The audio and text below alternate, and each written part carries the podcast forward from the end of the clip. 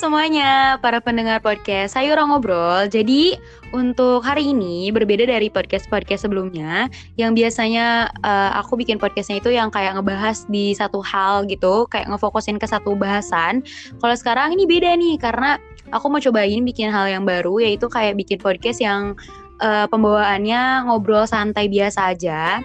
Nah, jadi di sini itu udah ada teman aku yang dari SD sama SMP nih uh, satu sekolah sama aku. Tapi SMA ini kita uh, beda. Kita beda sekolah tapi sama-sama ada di lingkup pesantren gitu ya. Apa ya? Sekolah berbasis Islam dan berasrama gitu.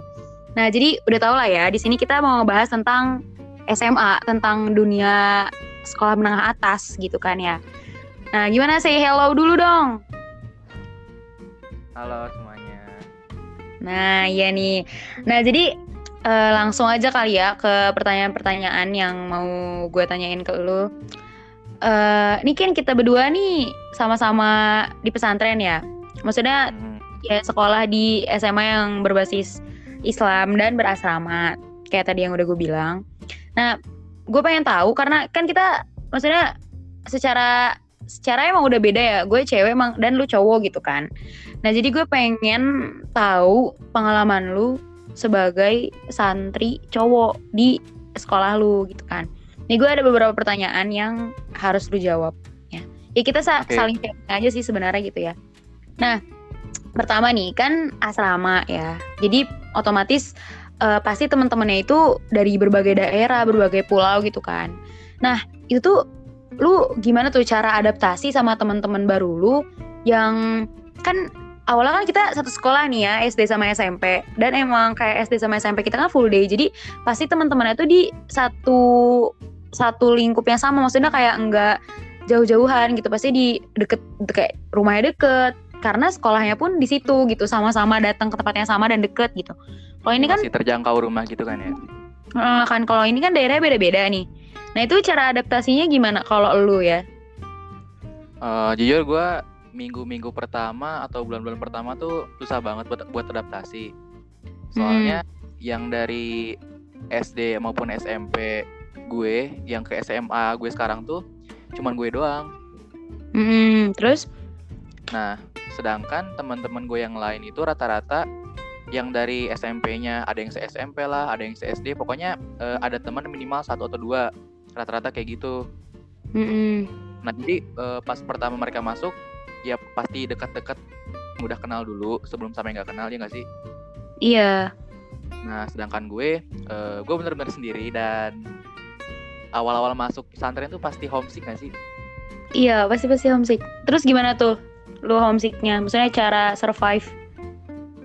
Uh, awal-awal sih gue kayak masih suka nelponin ortu. Kan kalau di sekolah gue minggu-minggu pertama sekolah tuh uh, seminggu pertama masuk itu tuh masih boleh megang HP ya. Jadi uh, kangen-kangenan dulu sama ortu lah. Oh. Hmm, kayak gitu. Uh, jujur aja gue lebih kangen sama temen gue sama teman-teman gue daripada ortu. Hmm, jadi lebih ke friendship gitu maksudnya? Ya, friendship sama phonesick sih sebenarnya mah. Iya, pasti kayak gitu sih kalau uh, karena kan kalau di pesantren kan kayak jarang gak sih maksudnya jarang lah kita bisa ada akses HP gitu. Iya langka banget sumpah. Hmm. Nah terus uh, di minggu pertama yang masih megang HP mah gue masih oke oke aja. Nah minggu selanjutnya. Oh itu ya, HP udah di. Ya kan minggu pertama doang no yang boleh HP. Nah di minggu selanjutnya uh, di hari mulai KBM no itu udah nggak boleh HP. Oh terus jadi seminggu awal itu selama lu masih dikasih akses HP ngapain belum belajar? Masih belum. Itu tuh masih kayak MPLS-nya gitu loh. Oh gitu. Hmm, jadi HP juga sebenarnya cuma boleh malamnya doang. Tapi ya at least masih ada HP lah ya. Nah iya. di minggu depannya, di minggu depannya pas KBM itu emang udah boleh apa? Udah nggak boleh HP. Hmm. Gue jadi beratnya di situ. Soalnya uh, awal-awal masuk, gue gue masih homesick, gue masih kangen rumah, masih kangen teman-teman gue. Nah sedangkan gue nggak ada tempat buat ngobrol. Soalnya emang nggak kenal siapa-siapa kan ya. Soalnya gue dari gue cuma sendiri Hmm. Nah di awal-awal sih gue baratnya kayak gitu. Cuman di minggu-minggu selanjutnya gue mulai soalnya di asrama gue ini sekamar kan cuma empat orang. Hmm. Jadi uh, mungkin lebih mudah ya buat deketnya. Ya karena emang gue juga pertama kali denger lu sekamar cuma empat orang tuh rada kaget karena gue aja di asrama gue di sekolah gue yang kamarnya 10 orang satu kamar tuh paling dikit yang paling banyak tuh 12 orang gitu kayak wow berarti empat orang dikit banget. Nah gara-gara empat orang ini jadi uh, agak lebih mudah ya buat mau ajak ngobrol di awal-awal. Hmm. nah eh jadi gue pertama dekatnya sama teman sekamar gue dulu. Iya. Yeah. nah udah sama teman sekamar dekat baru sama teman sekelas gue adaptasi. Hmm. Terus? nah, kayak gitu. Uh, tapi gue denger denger juga bukannya lu kayak ada rolling kamar gitu setiap tiga bulan sekali. Terus gimana tuh? Iya di kebijakan sekolah gue tuh tiap tiga bulan ya tiap setengah semester itu hmm. rolling kamar. Tapi lingkupnya masih teman-teman sekelas tuh jadi dari kita sekelas bertiga puluh ini rollingnya hmm. tetap orang-orang yang di kelas itu. Dan uh. bisa jadi dapat orang yang sama sama yang sekamar lu sebelumnya. Oh gitu. Oke terus uh, kan tadi tuh lu bilang kan maksudnya kan lu homesick dan segala macem gitu kan. Gue pengen tahu deh kayak apa ya gimana mulai gua, lu tuh kayak ngerasa nyaman dan terbiasa itu kira-kira tuh kayak berapa lama gitu? Nyaman dan terbiasa dengan kondisi lu yang berbeda karena kan baru pertama kali. Terus kayak nyaman sama teman-temannya nyaman sama lingkungannya itu kayak gimana? Maksudnya atau ada faktor tertentu misalnya karena teman-temannya karena lingkungannya adem dan segala macam gitu ada gak? Ada ada soalnya gue pertama nyaman tuh ya maksudnya ngerasa enjoy gitu ngejalaninnya. Hmm. Itu lo banyakin kegiatan aja Soalnya kan kalau di lingkungan baru yang utamanya jauh dari rumah kan ya. Iya. Mm-mm, jadi intinya lu keluar dari zona nyaman lu kan. Hmm. Nah, jadi di lingkungan baru ini pasti banyak hal-hal baru kan. Nah, kalau gue nyoba-nyoba aja. Jadi apa yang bisa gue coba, gue cobain. Pertama kayak nyari nyari temen, terus ngebunuh waktu juga, terus nyari pengalaman gitu tuh kira-kira maksudnya kayak pengalaman dan segala macamnya itu apa? Ini kayak gue nyibukin diri sendiri ya sebenarnya biar lupa dengan hal-hal rumah di awal-awal sekolah sih gue gitu. Jadi kayak gue banyakin eskul, banyakin kegiatan-kegiatan yang ada dari sekolah itu. Iya. Hmm. Kalau gue sih gimana ya? Gue uh, apa ya? Gue tuh awal-awal masuk ke asrama karena gue juga pertama kali. Mungkin karena gue cewek ya. Jadi relatif mungkin lebih lebih banyak emosi yang keluar gitu ya gue jujur aja baru waktu masuk pesantren tuh emosi gue kan kagak stabil gitu ya karena kayak ada beberapa faktor yang bikin gue tuh emang gak mau banget gitu awalnya masuk ke asrama nah jadi gue tuh kayak agak agak-agak susah menyesuaikan emosi gue gitu loh kayak jadinya jompang jamping gitu. Soalnya nah tapi baru pertama kali juga ya? Uh, nah itu tuh mungkin kalau misalkan kalau gue sih kayak mikirnya mungkin karena lu cowok ya. Jadi maksudnya kayak segala sesuatu ya udahlah chill gitu ya chill iya, aja iya, chill. iya, jadi lebih cepet gitu loh buat mulai nyaman sama lingkungannya ya gak sih? Iya kalau cewek gimana tuh nah kalau gue tuh lebih kayak iya gue juga sebenarnya pada dasarnya gue tuh orang orangnya chill yang gampang ya udah biarin aja ya udah santai aja gitu. Tapi karena mungkin di situnya gue baru pertama kali jadi ada beberapa hal yang mungkin bikin gue nya tuh kayak culture shock gitu. Jadi dadakan ya semuanya uh, baru dari, dari orang tua. Uh, uh, kayak gitu. Jadi agak-agak susah. Jadi gue kayaknya mulai nyaman dan terbiasa dengan lingkungan gue di asrama tuh kayak setahun gitu. Kelas 10 full. Tuh gue masih kayak jompang jamping gitu perasaan gue sampai waktu kemarin gue balik yang waktu gue kelas 11 itu gue udah biasa aja karena udah mah gue sibuk banyak kerjaan jadi kayak nggak kerasa juga selama di sana tuh udah mana seru kan banyak acara dan segala macem jadi udah mulai nyaman gitu. Nah tapi pernah, pernah gak sih lo uh, senggak betah apa pun di asrama pas balik ada rasa kangen buat ke asrama lagi? Nah gue tuh jadi gini gue tuh kan sekamar nih 10 orang nih kadang-kadang ada aja loh kayak daily yang kan kalau gue kan uh, di rombak kamar tuh setahun sekali seharusnya. Setahun sekali kan. Jadi lumayan lama lah gue ngabisin waktu sama teman-teman kamar gue yang bersembilan ini kan bersepuluh sama gue ya. Nah terus ada tuh yang setiap hari dilakuin sama kita. Misalnya pagi-pagi kita bikin uh, bikin uh, apa bikin tugas bareng atau misalkan kayak setiap pagi tuh kita sarapan bareng ke dapur atau misalkan kayak ngantri mandi terus kayak uh, nyetrika kerudung dan segala macam tuh yang bikin aja kangen gitu menurut Jadi gue ya. itu emang bikin kangen ya sebenarnya. Heeh, nah tapi kalau misalkan gue udah ngalamin itu lagi nanti di sana pas gue balik lagi ke sana habis liburan tuh kadang-kadang kayak langsung ih ya allah gue capek ngelakuin ini terus kayak gitu loh kayak ya bener bener bener Iya, jadi nggak jelas deh gue ya. Waktu itu kan karena gue masih labil kali ya, ngerti juga. Terus nih, kan eh, kita nih, eh lu ya nggak sih? Gue kan juga pernah denger ya dari lu nya sendiri. Kalau misalkan memang eh, masuk ke sekolah yang berbasis Islam dan asrama ini sebenarnya bukan keinginan lu, ya nggak? Iya, sebenarnya dari SD, SMP dan sampai SMA sekarang Hmm? yang nyuruh gue masuk ke sekolah berbasis Islam nih orang tua gue. Hmm. Terus lu punya tujuan gitu nggak? Maksudnya masuk ke sekolah yang berbasis Islam kayak gitu? Eh, jujur aja dari SD, SMP sampai SMA, kalau keinginan gue pribadi gue ini masuk negeri. Soalnya dalam pandangan gue waktu itu negeri itu kayak lebih bebas gitu nggak sih? Lebih seru ya nggak sih? Ya, ya dalam pandangan gue waktu itu. Nah, Mm-mm. tapi gue sekarang berada di dalam situasi yang dalam lingkungan Islam gitu kan, gue Hmm. ngerasain ya. Iya. Gue sebenarnya ngikutin alur aja, jadi ortu gue nyuruh ini, gue iyain, gue iyain, ya nggak bisa nolak juga. Tapi nggak maksudnya lu pernah nggak sih kayak ngerasa lu nyesel masuk ke situ atau gimana Eh, gitu? Awal-awal masuk, ya gue nyesel, soalnya lu, lu, tau- lu pernah gak sih di awal-awal lu masuk pesantren tuh, eh, awal-awal masuk sekolah deh, awal masuk SMA, Heeh. teman SMP atau SD lu yang masuk SMA negeri itu kayak bikin tribun-tribun MPLS, terus keseruan-keseruan gitu lah.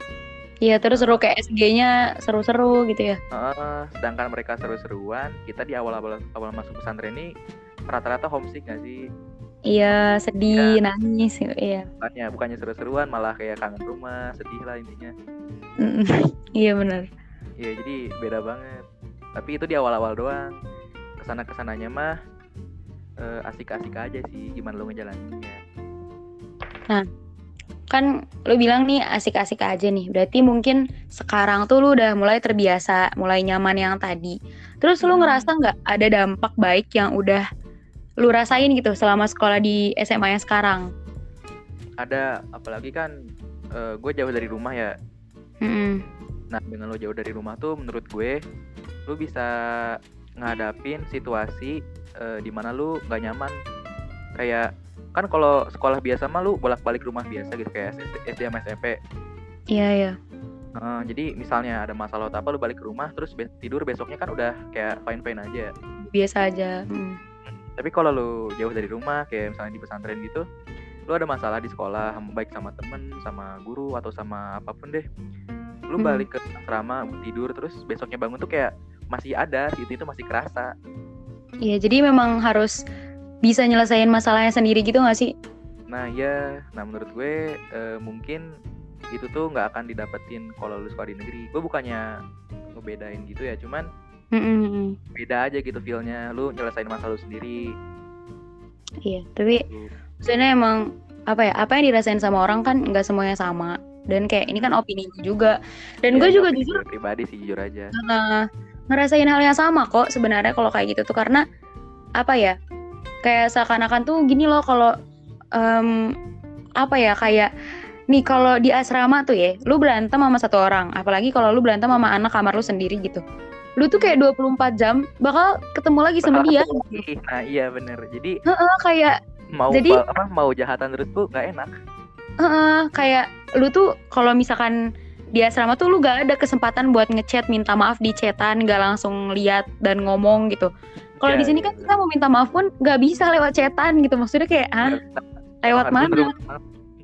Iya jadi kayak emang harus langsung ngomong sendiri dan itu tuh feelsnya beda aja karena lebih kayak oh gue tuh udah gede berarti gue udah bisa nyelesain masalah gue sendiri gitu. Hmm, bener-bener.